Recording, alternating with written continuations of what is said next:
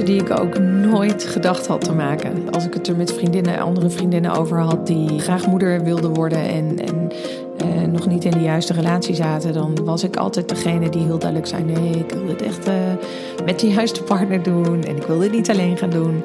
En ehm, ja, toen ik het bericht kreeg, eh, wat ik in het ziekenhuis had gekregen, toen ging voor mij echt een, een knop om. Hoi en welkom bij seizoen 6 van Potnataal. De podcast waarin je bekende en onbekende vrouwen open en eerlijk over hun bevalling hoort vertellen. Omdat het gewoon heel fijn is om te horen hoe andere vrouwen hun bevalling hebben ervaren. Misschien helpt dat je een beetje in de aanloop naar je bevalling of in de periode erna. Ik hoop in elk geval dat je je door Potnataal gesteund en verbonden voelt met alle geweldige vrouwen die je in deze podcast hoort. Iedere bevalling is uniek, maar sommige dingen zijn juist enorm herkenbaar. En alle verhalen die je hier hoort zijn verteld vanuit de vrouw die het heeft meegemaakt. Het zijn dus haar herinneringen en ervaringen. En weet, er bestaat geen blauwdruk voor een perfecte bevalling. Maar dit staat vast: je bevalling kun je maar één keer meemaken en is van jou en niemand anders. Mijn naam is Simone Wijnands, ik ben moeder van een zoon en een dochter en ik maak potnataal. En dit is het verhaal van Femkje. Ik ben Femke Schipperheijn, ik ben 44 jaar. Ik woon in Amsterdam uh, met mijn zoontje uh, Jeppe. Uh, ik ben sinds september weer docent Frans. En ik ben op 21 maart jongsleden bevallen van mijn kindje. Zoals je weet staat dit seizoen van Potnataal voor een belangrijk deel in het teken van fertiliteitstrajecten. Dat is iets waar best wel veel ouders mee te maken krijgen. Met deze verhalen hoop ik een beetje steun te kunnen bieden aan iedereen die ook door zo'n traject gaat of worstelt met een nog onvervulde kinderwens. Eerder hoorde je al de verhalen van Tineke en Annemar. Tineke zat in een IVF-traject en Annemar kreeg haar kindje door ICSI. In deze aflevering het verhaal van Femkje, die weer een heel ander traject heeft doorlopen. En in de volgende aflevering hoor je haar bevallingsverhaal. Maar eerst praten we over die weg daar naartoe. Het begon voor mij bij um, die um, nou, altijd al bestaande uh, kinderwens die ik had en die heel erg uh, naar de oppervlakte kwam. Um, een aantal jaar geleden, rond mijn veertigste geloof ik. En dat ik het ziekenhuis in ben gegaan um, omdat ik toen al erachter kwam of wist dat mijn cyclus niet regelmatig was. En actief met de kinderwens bezig wilde gaan. Uh, daar is mee begonnen. En um, toen dan moet je, uh, dan gaan ze bloed prikken, gaan ze onderzoek doen en dan moet je je cyclus moet je bij gaan houden. En dan op het moment dat je cyclus weer start en je menstruatie komt, dan moet je bellen naar het ziekenhuis en dan kom je weer terug voor verder onderzoek. Um, dat moment moest ik steeds uitstellen, dus ik belde steeds naar het ziekenhuis. We hadden een eerste afspraak staan. Ik belde naar het ziekenhuis. Oké, okay, kan nog niet, want uh, mijn menstruatie is nog niet gekomen. En dat heb ik uh, drie keer uit moeten stellen, geloof ik. Um, dus toen zat ik op een gegeven moment op 60 plus dagen. Uh, en mijn menstruatie was er nog steeds niet. Dus toen ben ik, heb ik weer naar het ziekenhuis gebeld. En toen zeiden ze, je moet langskomen. Uh, ik dacht, nou, ik kan wel alleen gaan, want het is puur controle.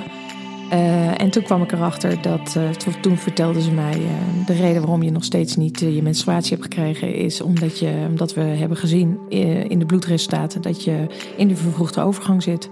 Een donderslag bij heldere hemel. Vervroegde overgang. Wie had dat ooit gedacht? Ik had van alles verwacht behalve dat. Ik heb daar echt. Ik, natuurlijk is het een keertje um, door mijn hoofd geschoten en meteen weggewuifd met het idee: nee joh, dat, daar ben ik veel te jong voor. Uh, dat kan niet. Dus dat kwam echt als een donderslag bij heldere hemel, ja. En ja. behalve dan dat je niet menstrueerde, waren er nog andere dingen waarvan je achteraf dacht van, oh ja. Ja, terugkijkend, uh, naar de, waar ze, de, de manier waarop ze er onge, onder andere achterkomen dat je in de overgang zit, is door de waarde van je FSH, follikelstimulerend hormoon, te bekijken. Ehm, en dat moet normale, normaal gezien op het moment dat je nog een normale cyclus hebt en uh, je hebt nog genoeg eicelletjes en dat werkt nog allemaal goed, dan is dat volgens mij nog lager dan 10. Of lager dan 5 misschien wel. Ik twijfel daar nu even over. Um, en bij mij was dat toen al tegen de 68, geloof ik.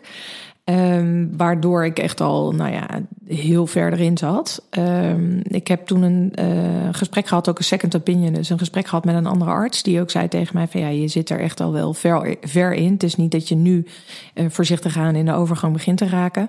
Het is al even bezig bij jou. En uh, terugkijkend, ik ben op mijn 38ste heb ik een burn-out gehad. Um, terugkijkend naar de klachten die ik daar had, eh, of daarbij had. Uh, uh, nou, nachtzweten, echt wakker worden in, in een nat bed, echt van het zweten.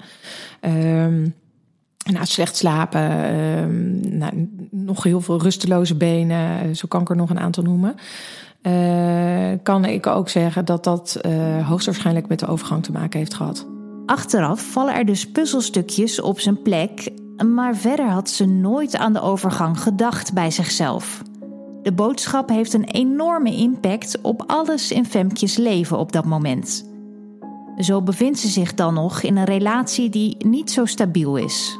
Nadat ik erachter ben gekomen dat ik ook in de overgang uh, terecht was gekomen, uh, ben ik ook eens even heel goed gaan nadenken natuurlijk van oké, wat wil ik hier nou eigenlijk mee? Uh, wat wil ik met die relatie? En toen heb ik besloten om uh, die relatie te verbreken. En um, om dan te kijken uh, hoe ga ik dit in mijn eentje, deze wens vervullen alsnog. Aan de ene kant heeft Femke dus opeens kristalhelder voor ogen wat ze wil. Tegelijkertijd is het ook een emotioneel erg zware periode. Je hebt het gevoel je, dat je vrouwelijkheid, uh, je vrouw zijn is, nou, valt weg. Voor, dat, dat gevoel had ik. Um, ik dacht, nou, ik ben ook echt gewoon in. in uh, um, uh, hoe zeg je dat? Nou, ik, ik, ben gewoon in verval. Ja. Vanaf nu gaat het alleen, wordt het alleen nog maar slechter en gaat het bergafwaarts. En uh, nou, ben ik uh, niets meer waard op, op de markt. Klinkt heel slecht, maar ben ik gewoon niet zo heel veel meer waard. Ik ben ook niet meer interessant, ik ben niet meer sexy. Uh, dat voel je heel erg. Althans, dat voelde ik zo heel erg. Um, en wat vooral ook heel erg naar boven kwam, is dat je afscheid moet gaan nemen van de gedachte dat je um, ooit een, een mini-versie van jezelf uh, zult zien rondlopen. Dat, ja. dat vond ik ook heel heftig. Hoe ben je dat ziekenhuis toen uitgegaan? Want uh, had je meteen op dat moment toen dat tegen je gezegd werd, het idee van oké, okay, nu ga ik het anders aanpakken? Of stond je echt helemaal even met lege handen dat je dacht, nou, ik heb geen idee wat nu mijn opties zijn, wat ik wil. Nou, dat, ik vind dat wel echt heel mooi uh, aan mezelf. Omdat ik tijdens het gesprek, uh, die wens die is zo groot, was zo groot. En um, dat ik tijdens het gesprek door mijn tranen heen heb gevraagd: oké, maar wat zijn dan nog wel opties om alsnog die kinderwens waar te maken? Toen zei, zei die arts tegen mij: dan kun je aan eiceldonatie gaan denken. Uh, dus met die wetenschap dat dat een mogelijkheid was, waar ik nou nog nooit van had gehoord daarvoor. Uh, met die wetenschap ben ik het ziekenhuis uitgelopen. Ja, want dat was eigenlijk dat meteen de enige optie nog die jij op dat moment had om, uh, ja, om zelf in verwachting te raken, ja. zoals de arts het tegen jou ja. zei. Ja, want op het moment dat je in de overgang bent, en zeker met een FSH-waarde zoals die van mij, dan gaan ze helemaal niks meer met je eigen eicellen doen, als die er nog zijn. Nee, oké, want wat is daar de reden van? Of zijn niet meer goed genoeg? Nee, die, die rijpen niet meer goed. Uh, je oestrogeen en, en, en, en progesteronwaardes gaan zo uh, alle kanten op en verkeerde kanten op. Uh, dat ze daar ja, niks meer mee kunnen doen. Dus dat de kans nou niet heel is. Een, een, arts zei op een gegeven moment tegen mij dat dat is echt zoeken naar, naar het gouden ei. En, ja, ja, precies. En dat is echt zoeken naar een speld in een hooiberg. En die kans is zo ontzettend klein dat daar dan nog iets kan gebeuren. En zeker nogmaals met die FSH-waarde zoals ik die had. Um, dat ze daar niet eens meer aan gaan beginnen. Kon je dat meteen accepteren dan op dat moment? Want ik kan me voorstellen dat, dat je toch ergens dan misschien denkt... nou, misschien ben ik wel diegene ja, waarvan ze wel dat gouden ei vinden. Of misschien heb ik toch nog, misschien eh, gebeurt er een wonder, weet je wel. Ja, nee, dat gevoel had ik helemaal niet. Bij mij kwam er wel een enorme oerdrang uh, naar boven om, om die kinderwens alsnog uit te laten komen. Um, maar ik heb nooit op dat moment het gevoel gehad van, weet je, we gaan het, we gaan het toch nog op de normale manier proberen. En ik, ik denk ook niet, ik heb zelf niet het gevoel gehad, maar de, de artsen waren ook heel duidelijk van daar gaan we niet aan beginnen. Dus dan had ik, nou ja, misschien daarmee ook naar het buitenland moeten gaan. Maar voor mijn gevoel was, daar gaan we niet meer aan beginnen. Um, was voor mij ook gewoon, oké, die deur is dicht. Ik moet het nu op een andere manier gaan proberen. Ze is vastberaden, maar tegelijkertijd voelt ze zich ellendig. Ik wilde verdwijnen. Ik wilde me uh, uh, alleen maar in comfortabele kleding uh, wegzakken op de bank. nou ja, dat. Liefst niet meer naar buiten gaan. je voelt je ziek terwijl je helemaal niet ziek bent natuurlijk. Um, maar het maakte, je, maakte me letterlijk wel misselijk. Ja, en wat heb je gedaan om daar uit te komen? Uh, ik ben uh, enorm uh, blik op oneindig recht op mijn doel afgegaan op dat moment. Uh, dus voor mij was die, wat ik al zei, die oerdrang, die kwam echt, het werd nog duidelijker van ik wil gewoon die wens uit laten komen. En ik wil daar achteraan gaan. Uh, dus ik ben echt meteen in de actie geschoten. En dus wat ik zei, uh, ik ben echt gaan zoeken uh, naar eiceldonatie. Nou ja, in, mijn geval dus embryodonatie, want dat zou het dan voor mij moest, moeten worden. Want ik had natuurlijk ook ineens een zaaddonor nodig. waar kan dat? Hoe kan dat? Hoe werkt dat? dus ik ben het internet opgegaan en gaan zoeken nou ja, hoe dat in principe werkt. Hoe dat überhaupt werkte en waar dat kon. En toen kwam ik er heel snel achter dat in Nederland hebben we uh, een drietal klinieken waar het gedaan wordt. Maar omdat in Nederland de wens groter is, of de vraag groter is dan het aanbod, uh, zijn heel weinig uh, vrouwen die hun eicellen doneren. wat natuurlijk ook niet niks is, hè? dus laten we dat voorop stellen. Um, moet je in Nederland, moet je dan, wil je niet op een wachtlijst komen te staan, je eigen donor meenemen. Nou, en die moet uh, voldoen aan allerlei uh, eisen. Hè. Die moet een bepaalde leeftijd hebben. Dus tot 36 jaar uh, mag, mag de leeftijd zijn van die vrouw. ze moet zelf geen kinderwens meer hebben of nooit hebben gehad. nou ja, natuurlijk, qua gezondheid moet het helemaal kloppen. Dus je gaat ook medische onderzoeken onderga je als donor. psychologische onderzoeken onderga je. je moet natuurlijk op het moment dat je een partner hebt, moet je, moet je partner oké zijn daarin. Ehm, en dan vind maar zo iemand in je omgeving. Ja, dat is ook, ook een speld en een hooiberg ja. waarschijnlijk. Ja, ja. ja. En het was voor jou meteen ook heel duidelijk dat je dit traject wilde ingaan. Heb je nog andere opties overwogen uh, om een, een, kindje te krijgen? Um, voor mij was het heel snel duidelijk dat dit was wat ik wilde. Omdat dit voor mij dichtstbij, dichtstbij komt bij het, het, uh, het krijgen van een biologisch eigen kindje. Dus uh, ik had ook kunnen kijken naar adoptie natuurlijk of naar pleegkinderen. Um, en dat uh, was voor mij geen optie, omdat ik wilde het zelf dragen. En er is niks met mijn baarmoeder aan de hand. Um, dus ik wilde het zelf uh, voldragen en, en baren. Om haar kinderwens te verwezenlijken, moet ze dus wel uitwijken naar het buitenland. België is hetzelfde verhaal als in Nederland. Eh, dus dat was ook snel, kon ik die wegstrepen. En ik ben toen vrij snel op Spanje terechtgekomen. En um, Spanje is wat dat betreft veel altruïstischer. Daar zijn heel veel klinieken, fertiliteitsklinieken, waar ze dit ook doen. Het is veel bekender. Um, vraag en aanbod ligt daar volgens mij redelijk uh, gelijk. En um, uh, toen kwam ik bij een kliniek, uh, kwam ik, stuitte ik op, via internet op een kliniek in, uh, in Spanje, waar ze ook een, een Nederlands team of Nederlandse arts hadden en Nederlandse patiëntenzorg. En daar heb ik toen contact mee gezocht. Wat voor mij wel heel belangrijk was, want je hebt natuurlijk ook heel veel landen waar het vrij commercieel is. Ja. En waar de donoren zoveel geld krijgen dat ze daar bij wijze van spreken hun gezin van kunnen onderhouden voor een, nou ja, een paar weken, een maand, ik weet niet. Um, en in Spanje is dat niet het geval. In Spanje krijgen ze dezelfde vergoeding als in Nederland. Uh, dus dat betekent dat de, dat de donoren uh, vergoeding krijgen voor uh, nou ja, ze gaan natuurlijk gedeeltelijk een IVF-traject in.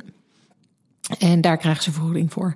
Ja, precies. Want het gaat dan de vrouwen die zich aanmelden daarvoor, die aan zo'n kliniek verbonden zijn, die moeten dus wat, ja, wat je, uh, een, een soort IVF-traject ondergaan om die eicellen te oogsten, neem ik aan. Ja, dus die, uh, die gaan met hormonen aan de slag en die gaan alles uh, zo goed mogelijk voorbereiden en stimuleren van de, van de groei van de eicellen. Um, en dan krijgen ze de punctie en dan is daar waar natuurlijk voor hun het IVF-traject stopt, dan zijn zij klaar. En dan gaat het aan mijn kant, uh, aan de ontvanger. Hè, aan de kant van de ontvanger gaat het uh, verder. Ja, en toen jij belde naar uh, die kliniek, want je had ze opgezocht op internet. Ja. En, ja, hoe gaat het dan verder? Kan je, word je dan uitgenodigd of moet je nog ook weer aan een soort van eisenlijstje voldoen voordat je daar naartoe mag? Hoe gaat dat? Uiteraard wel. Uh, ik, heb, uh, ik heb ze gemaild. Um, toen hebben we een belafspraak gemaakt in eerste instantie met, de, met degene die uh, zich bezighield met patiëntenzorg. Um, eerste informatie ontvangen en toen hebben we een gesprek ingepland met de arts. Nou, wat bij uh, best wel een aantal klinieken gebeurt is dat ze dan willen. Zo, ik heb er ook een andere, heb ik op een gegeven moment nog gebeld. En daar wilden ze dat ik uh, voor het gesprek met de arts meteen naar Spanje kwam. Toen dacht ik, oh, oké, we leven in uh, destijds 2019. Um, uh, wat, hè, hoezo kan dit niet online?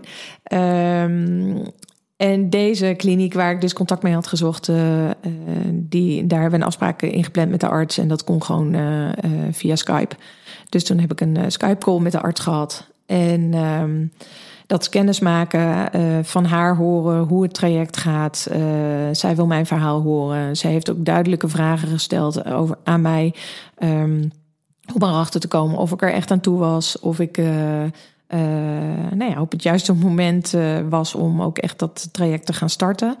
Um, ze heeft ook een hele mooie, vond ik hele goede en mooie vragen gesteld over bijvoorbeeld een vangnet. Uh, omdat ik er natuurlijk ook alleen voor zou gaan. En dit is niet zomaar iets wat je, wat je, waar je instapt.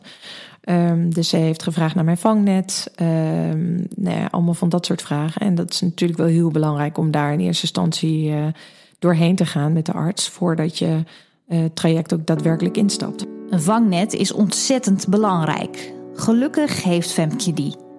Ze is altijd heel open geweest over waar ze mee bezig was naar haar omgeving toe. Ja, ik kreeg meteen absoluut steun. Ja, ook vrienden en, en mijn vader ook, die heel duidelijk zei: dit, dit moet je gaan doen. Ja, ja. Ja, want je stapt toch, nou ja, sowieso dat hele traject is, lijkt me gewoon uh, zwaar om in je eentje te moeten door, doorlopen. En daarnaast ga, maak je dan inderdaad ook de keuze natuurlijk voor alleenstaand uh, moederschap op een gegeven moment. Ja, dat is natuurlijk iets waar ook heel veel ouders voor staan, ook nadat de relatie verbroken is. Maar jij, jij kiest er van tevoren uh, voor. En dat is natuurlijk ook gewoon wel een, uh, ja, een zware keuze. Een keuze die ik ook nooit gedacht had te maken. Nee. Ik was altijd, als ik het er met vriendinnen, andere vriendinnen over had, die uh, um, ook graag moeder wilden worden en, en nog niet in de juiste relatie zaten, dan was ik altijd degene die heel duidelijk zei: nee, ik wil dit echt met de juiste partner doen en ik wil dit niet alleen gaan doen. En um, ja, toen ik het bericht kreeg, eh, wat ik in het ziekenhuis had gekregen, toen ging voor mij echt een, een knop om. Ja, toen... dacht ik, het is niet meer vijf voor twaalf, maar het is gewoon vijf over twaalf. Uh, en nu ga ik ervoor. Nu ga ik ook niet meer wachten. Nee. Uh, nu ga ik het gewoon doen, klaar. Voor Femke is het glashelder. Ze wil moeder worden. Er is gewoon geen andere optie. Maar ze heeft nog een lange weg te gaan voor het zover is. Ze komt vervolgens in een hele malle molen van onderzoeken: bloedtesten, testen op SOA's, schildklieronderzoek, een mammografie, inwendig onderzoek en ga zo maar door. Zeker als je in de vervroegde overgang terecht bent gekomen, dan kun je eh, problemen krijgen met je schildklier. Dus daarom moest dat onderzocht worden. Uh, en heel veel is natuurlijk, nee, ik bedoel, als je een SOA hebt of je hebt de HIV, nou ja, het spreekt voor zich natuurlijk. Um, en een mammografie ook, dat ze uh, zeker willen zien dat er daar ook geen gevaar in zit. Uh, dat er iets kan ontstaan, ook tijdens uh, je zwangerschap. Um, inwendig onderzoek, nou ja, logisch, omdat er natuurlijk gekeken moet worden. Hè, nou moet bekeken worden of alles er goed uitziet om een embryo te kunnen plaatsen en om normaal zwanger te kunnen zijn. Ehm, in mijn geval, ik had een aantal jaar daarvoor had ik mijn uh, spiraal laten verwijderen en die zat verkleefd, dus die heb ik operatief moeten laten verwijderen. Dus daarom moest ik een histro, laten maken om te kijken of daar dus, nou ja, of het bindweefsel of alles er netjes uitzag van binnen. Dus dat, dat zijn onderzoeken die je allemaal moet laten doen voordat je kunt starten met een dergelijk traject. Al het vooronderzoek kan in Nederland zelf worden gedaan, gelukkig. Als ze voor alles een groen vinkje heeft gekregen, kan ze door naar de volgende ronde. Ik heb uh, de keuze gehad om te kijken of ik uh, genetic matching wilde bij de donoren. Um, dat betekent dat ze dus de donoren gaan checken op familiaire ziektes. Uh, de tien meest bekende familiaire ziektes gaan ze kijken of de donoren daar drager van zijn. Um, want als beide drager zou, zouden zijn, dan um, zou het 50% kans zou je dan hebben dat uh, mijn kindje ook drager zou worden van die ziekte, of die ziekte, uh, een van die ziektes zelfs zou kunnen krijgen. Um, en als eentje daarvan uh, drager zou zijn, dan is het 25%. Dus um, nou ja, ik heb ervoor gekozen omdat dat ze dat gingen checken. Vervolgens gaan ze kijken natuurlijk naar de uiterlijke kenmerken. Uh, maar wat ze bij deze kliniek, en dat is bij meerdere klinieken in Spanje, wat ze gedaan hebben, is ze werken ook met Phenomatch. En dat betekent dat ze, um, er zijn, nou ja, je hebt duizenden unieke uh, features in je gezicht. Dus de uh, stand van je jukbeenderen in je, in je gezicht, de vorm van je gezicht, maar ook uh, de vorm van je neus, de stand van je neus in je gezicht, ook ten opzichte van je, uh, van je mond en je ogen. Nou, noem het maar op, zo kan ik nog even doorgaan. Ehm, dus ik heb foto's moeten inleveren van mezelf. En daar hebben ze een, een soort van blauwprintje van gemaakt. En dat doen ze ook bij de donoren. Dus op het moment dat ze ehm, die genetic matching hebben gedaan, ik vergeet allerbelangrijkste, bloedgroep. Um, ze gaan natuurlijk ook kijken naar uh, de bloedgroep, omdat anders, uh, als je daar niet naar kijkt en uh, beide donoren hebben een andere bloedgroep dan wat ik heb, dan nou ja, gaat het sowieso niet goed.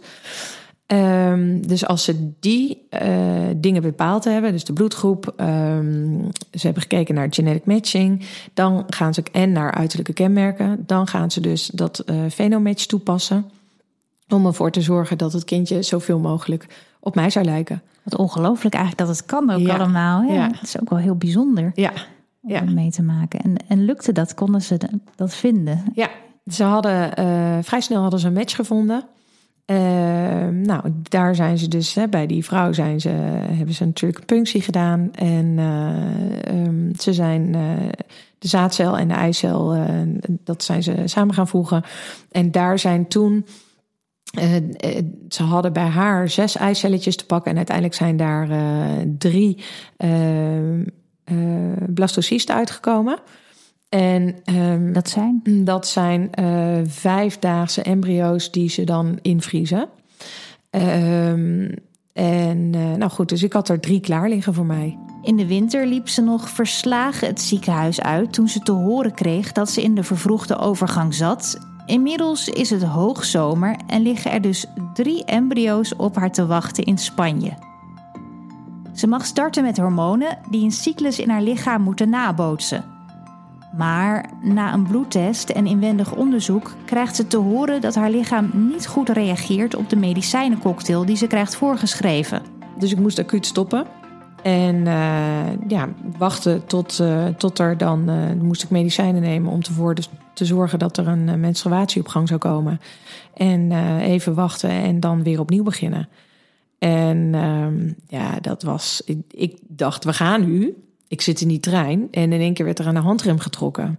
Ja, ze liggen in de vriezer te wachten. Ja. Kom maar op. Ja. ja, en toen gebeurde er dus niks, want ik moest gewoon acuut stoppen kreeg een telefoontje van je moet acuut stoppen met de medicijnen of met de hormonen. En uh, ja, dat was weer even een moment waarop de, de grond onder mijn voeten vandaan zakte. Dus toen uh, er wordt van tevoren wordt er gezegd van wacht met het boeken van een ticket. Uh, want pas op het moment dat uh, je bloedwaarden goed zijn en uh, de echo goed is, dan kunnen we de planning gaan maken voor je komst hier naartoe. Dus dan op dat moment kunnen we gaan zeggen: oké, boek nu je ticket maar. Maar ik had hem al geboekt. Je dacht, je was zo voortvarend. Je dacht, dit gaat gewoon Dit gaat- helemaal. gaat ja. gewoon goed. Ehm, en eh, dat bleek dus niet. Dus dat moest ik allemaal verzetten. Dus die eerste keer een ticket boeken was, eh, was een duur geintje. Stoppen en weer opnieuw beginnen dus. Als ze wel de juiste mix te pakken hebben, is het inmiddels herfst, de laatste herfst voor de pandemie begint. Ze krijgt groen licht om naar Valencia te vliegen in Spanje voor de eerste plaatsing. Een goede vriendin gaat met haar mee. Ik was van tevoren al een keer met dezezelfde vriendin... was ik al eh, van tevoren een keertje eh, een weekend naar Valencia geweest. Omdat ik eh, ook zoiets had van... nou, op het moment dat ik hier mijn traject ga instappen... dan wil ik niet... Ik was nog nooit in die stad geweest... en ik dacht, dan wil ik niet de allereerste keer dat ik het vliegtuig uitstap voor een plaatsing, eh, mijn weg nog moeten vinden in de stad. Dan wil ik al een gevoel bij de stad hebben en een beetje de weg kennen naar de kliniek en überhaupt door de stad zelf. Dus ik was, daarvoor was ik al met, eh, met dit vriendinnetje naar, eh, naar Valencia geweest voor een weekendje. Ook langs geweest bij de kliniek om daar even kennis te maken. Ehm, en dat was, dat was gewoon een, eh, een fun weekend. Ehm, en nu met deze vriendin dus eh, naar ehm, Valencia voor een eerste plaatsing.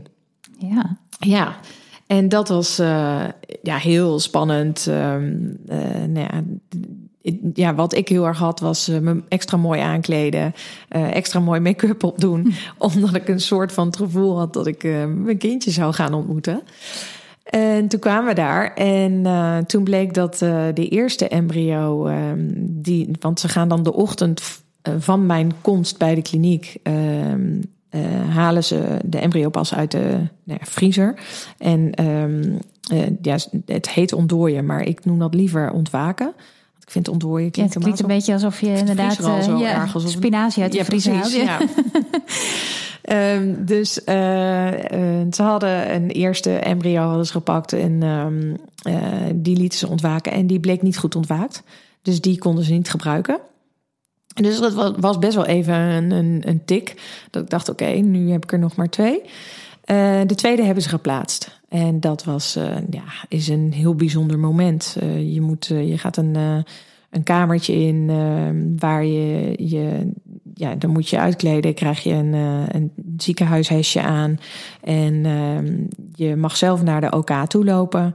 Wordt op een bed stap je op, daar ga je liggen en dan plaatsen ze dat. En dan word je vervolgens teruggereden in dat bed. En mag je daar nog een uur blijven liggen, omdat ze willen dat je de rust neemt. ehm, eventjes voordat je weer op de buitenwereld instapt. En wat ze dan ook graag willen, is dat je in ieder geval eh, na die dag van plaatsing nog een dag ehm, in de stad blijft of in Valencia blijft. Om eh, nog even die rust, extra rust te pakken voordat je weer je dagelijkse, je, je eigen leven binnenstapt. Ehm, dus ja, dat eh, hebben we ook gedaan. Dan beginnen vervolgens de twee langste weken uit haar leven. De wachtweken om te zien of het embryo blijft zitten. Ze probeert afleiding te zoeken in werk en vrienden. En toen moest ik bloed prikken. En ik had van tevoren, omdat ik het gewoon niet kon weerstaan, had ik zelf al een zwangerschapstest gedaan. En die pakte negatief uit. Dus helemaal in tranen. En naar de, en naar de dame van patiëntenzorg eh, ge- ge- gebeld of geappt. Ik weet niet eens meer. Maar die zei ook van ja, maak je niet druk. Het kan vaker. Wacht nou maar nog maar een dag. Het kan vaker negatief uitvallen. Terwijl het wel zo is. Je moet gewoon echt wachten op die bloedtest. Oké, oké. Nou, dus die bloedtest gedaan. Maar die. Eh, toen was ik ook zo zenuwachtig dat ik uh, niet goed ademhaalde, waardoor mijn bloed ook niet wilde komen. Dus ik gaf geen bloed. Echt bizar. Dus samen met die dame die uh, bloed moest prikken bij mij uh, even een ademhalingsoefening gedaan om te zorgen dat het weer allemaal op gang kwam. En toen bleek dat ik inderdaad niet zwanger was. Hmm. Dat het niet goed was gegaan. Een hele zware domper voor Femke. De afgelopen maanden heeft ze ontzettend gezond geleefd en overal op gelet. Haar hele leven in het teken gezet van het krijgen van dit zo gewenste kindje. En dan nu deze boodschap. En ik kan je vertellen, toen ging om twee uur 's middags de fles wijn op tafel. Nou, dat neemt niemand je kwalijk volgens mij. Ja, dat was echt uh, dikke vette kater. Ja. En hoe snel kon je dat weer van je af uh, schudden? Um, redelijk snel weer, want um, er ligt er nog één. Dus je gaat door. En je wil door. Weer hop, recht op mijn doel of blik op oneindig doorgaan. In de tussentijd heeft ze via Instagram contact gekregen met een andere vrouw die in hetzelfde proces zit als zijzelf. Zij uh, berichtte mij op een gegeven moment van joh, heeft, hebben ze bij jou al de ERA-test gedaan? En dat is een test die dan nemen ze, dan, dan ga je in ieder geval voorbereiden alsof je een plaatsing zou hebben. En op het moment van plaatsing krijg je geen plaatsing, maar nemen ze een klein stukje van je baarmoederslijmvlies weg. En dat gaan ze onderzoeken om te kijken of het daadwerkelijk het juiste moment is van plaatsing. Dus oh. of je baarmoederslijmvlies dan wel sponsig genoeg is voor ontvangst en innesteling van het embryo. En um, dat hadden ze niet bij mij gedaan, was ook niet voorgesteld. Dus ik heb mijn uh, arts heb ik, uh, uh, opgebeld en uitgelegd van nou, dit heb ik te horen gekregen. En ik heb haar gewoon gevraagd van joh, um, kunnen jullie dit doen bij mij? Ja. En um, vaak gebeurt het op het moment dat het meerdere keren verkeerd is gegaan. Um, en toen heeft ze overlegd met het team van artsen in de kliniek. En toen hebben ze besloten van nou oké, okay, weet je, we gaan dit doen bij jou. Dus toen ben ik me weer gaan voorbereiden alsof ik een plaatsing zou hebben. En uh, toen, uh, um, op het moment van plaatsing, moest ik natuurlijk naar uh, Spanje toe.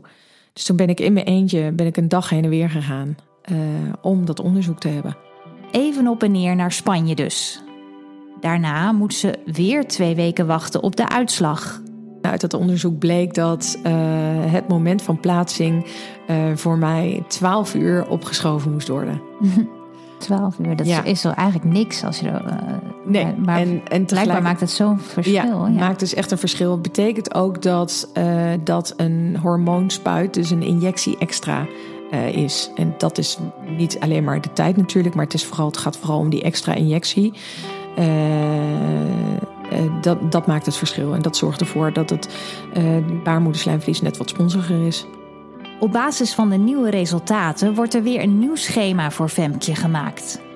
En dan begint het hele proces weer van voren af aan. Ze wil het nog steeds net zo graag als eerst, maar haar aanvankelijke optimisme is wel wat de kop ingedrukt. Misschien uh, stond ik er iets minder uh, yay in. oh, wat leuk dit. Uh, omdat ik ondertussen natuurlijk al wel een aantal keer had meegekregen uh, dat het niet, ook dit niet vanzelf gaat. Uh, weet je, je kan heel veel sturen met een dergelijke behandeling.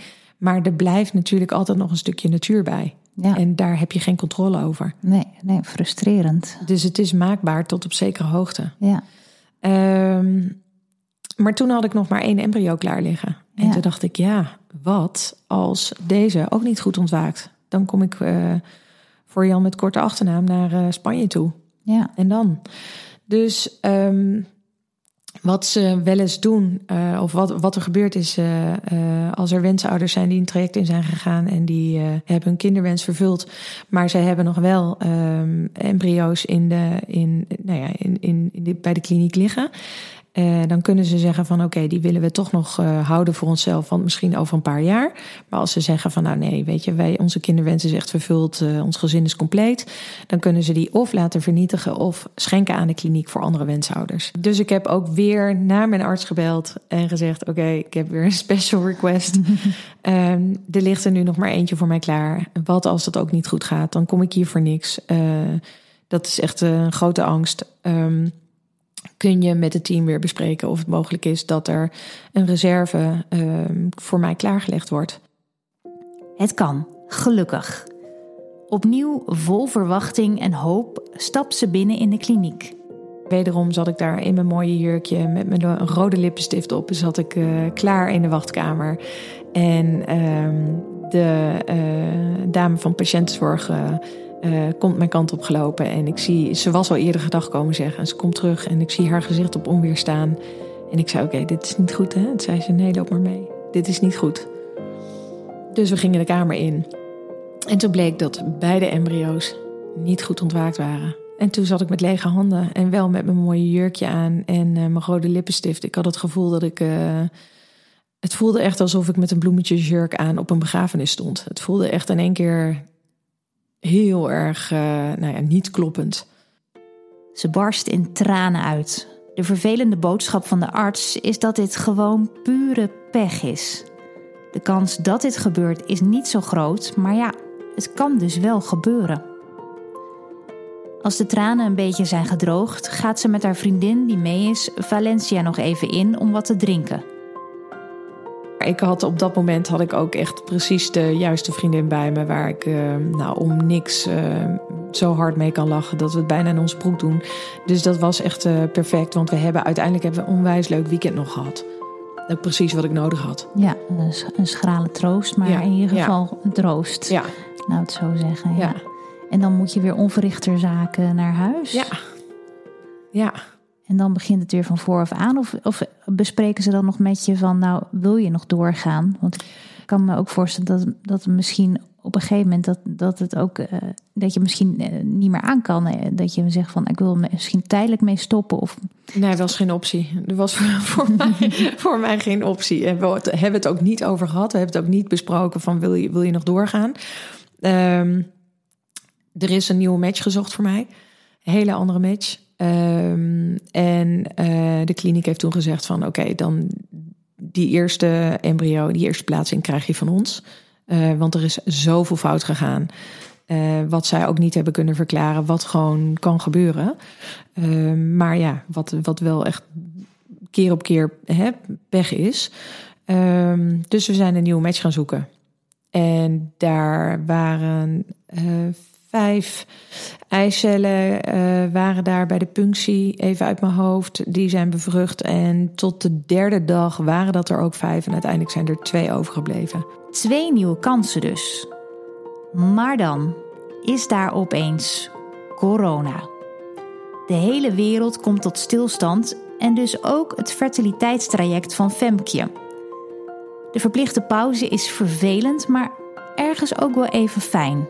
Omdat ik daarmee ook even de rust en de ruimte kreeg om um, na te denken over wat er nou eigenlijk allemaal gebeurd was. Um, wil ik nog verder? Ik ben zelfs op dat moment heb ik gesprekken gehad met een vriendinnetje van nou, weet je, als het niet meer lukt en uh, kom um, een leuke man tegen met kinderen, nou ja, dan is dat ook goed. Dan ben ik een leuke bonusmoeder. Nou, zelfs dat soort gesprekken zijn er nog geweest. Um, omdat je geen flauw idee hebt natuurlijk wanneer, en, uh, wanneer de grenzen weer open gingen, wanneer we weer konden gaan reizen. En ja, wat ga je dan? Dan ga je toch over dat soort dingen nadenken. En toen ging de wereld weer een klein beetje open. En uh, toen uh, kon het toch weer in beweging komen. En toen mocht ik me toch weer gaan voorbereiden. Vlak daarvoor krijgt ze ook nog te horen dat haar contract op werk niet wordt verlengd. Maar dat is op dat moment geen reden tot extra zorg. Juist niet.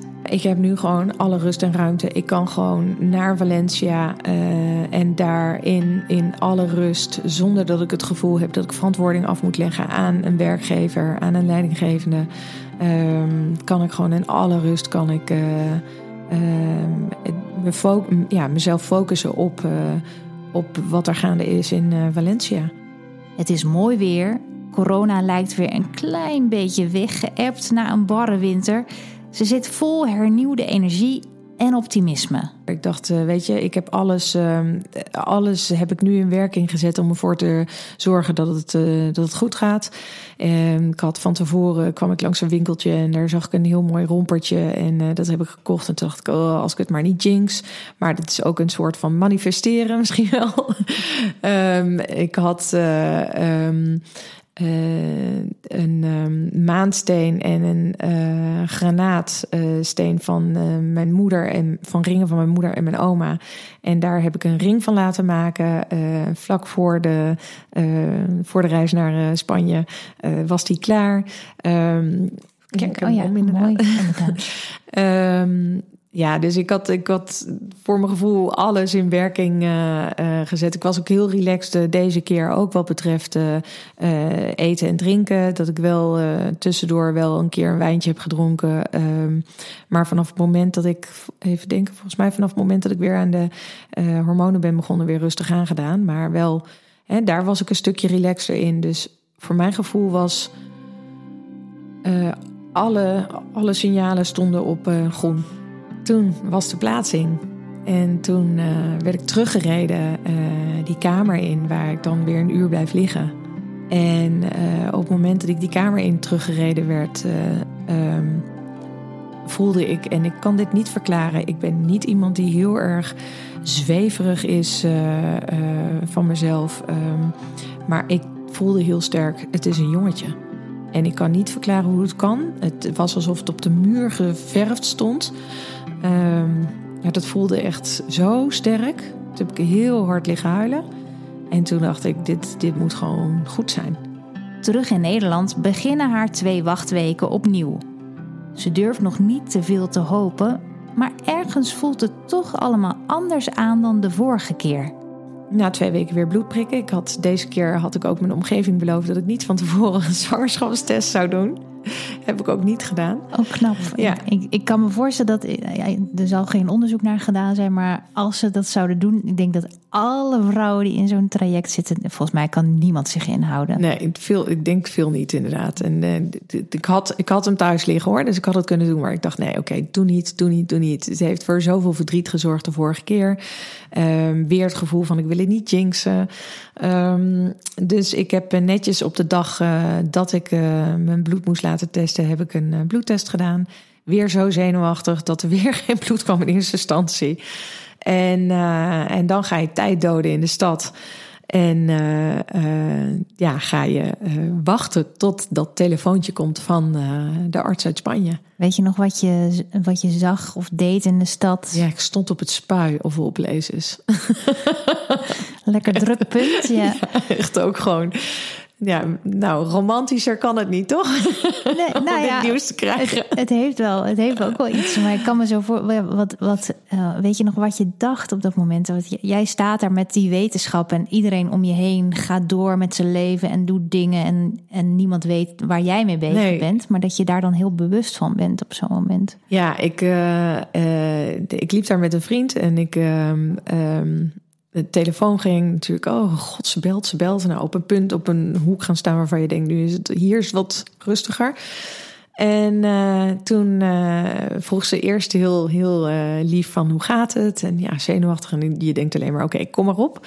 En toen zei ze, ik weet niet meer precies wat ze zei, maar ik verstond in ieder geval dat ze zei, ik heb uh, ik heb uh, serieus nieuws voor je. Uh, en toen dacht ik, oh nee. En toen zei ik volgens mij ook tegen haar van, oh nee, is het niet gelukt? Ze zei eerst, je HCG-waarde was echt heel erg hoog. Waardoor ik dacht, nou, het is niet goed. Ik weet niet waarom ik dat dacht, maar je, het gaat heel raar in je brein op dat moment. En toen zei ze, nee, zei ze, je bent hartstikke zwanger. En ik echt, nee, meen je dat? Serieus? Ja, huilen natuurlijk. En gelukkig was je, je vriend erbij uh, op dat moment. Ja. Dat je niet helemaal in je eentje. Dat mensen dachten, wat, wat heeft die vrouw uh, ja, meer op straat? ja, ja, het is er aan de hand. Nee, hij heeft ook meteen foto's gemaakt om dat moment vast te leggen. En natuurlijk heel, heel mooi, omdat ik ja, daarmee voor altijd vast te liggen hoe ik op dat moment reageerde. Uh, en ja, bizar. En het was dus, mijn HCG was dus zo hoog dat er ook geen twijfel over mogelijk was. Ik was hartstikke zwanger. Hoe Femke uiteindelijk bevalt van haar zoontje, dat hoor je in deel 2. Ik hoop in elk geval dat je dit een mooie aflevering vond. Zo ja, laat dat dan weten in de reviews op iTunes. En kom me natuurlijk volgen op Instagram. Dat kan via @podnataal, maar het kan ook via @simonewijnands En natuurlijk zou ik hartstikke blij zijn als je al je zwangere vriendinnen, buurvrouwen, nichtjes, collega's en zusjes over deze podcast zou willen vertellen. En ken je Vriend van de Show al? Ga even naar vriendvandeshow.nl slash podnataal. Daar kun je namelijk deze podcast een financieel steuntje in de rug geven. En daar vind je nog wat extra tips en adviezen van de moeders die je hoort in deze podcast. Dankjewel voor het luisteren en tot de volgende.